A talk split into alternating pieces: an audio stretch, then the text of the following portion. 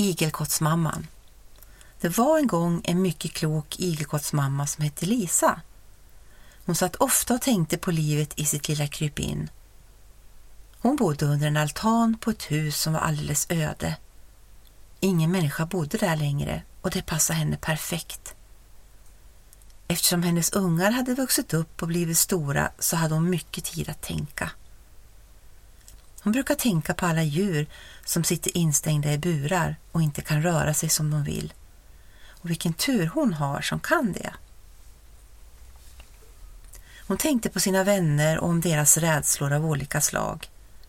Det är det som den här podden kommer att handla om. Hur olika men ändå väldigt lika vi är oavsett om vi är människor eller djur. Jag sitter här och djur som sitter i burar. Jag sitter här och undrar och blundar om djuren vill komma ut. Alla tigrar och lejon, elefanter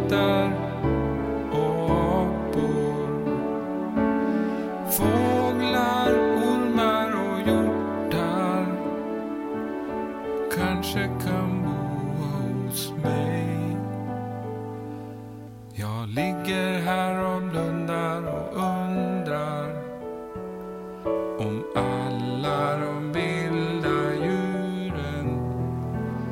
Jag ligger här och undrar och blundar. Kunde sova i säng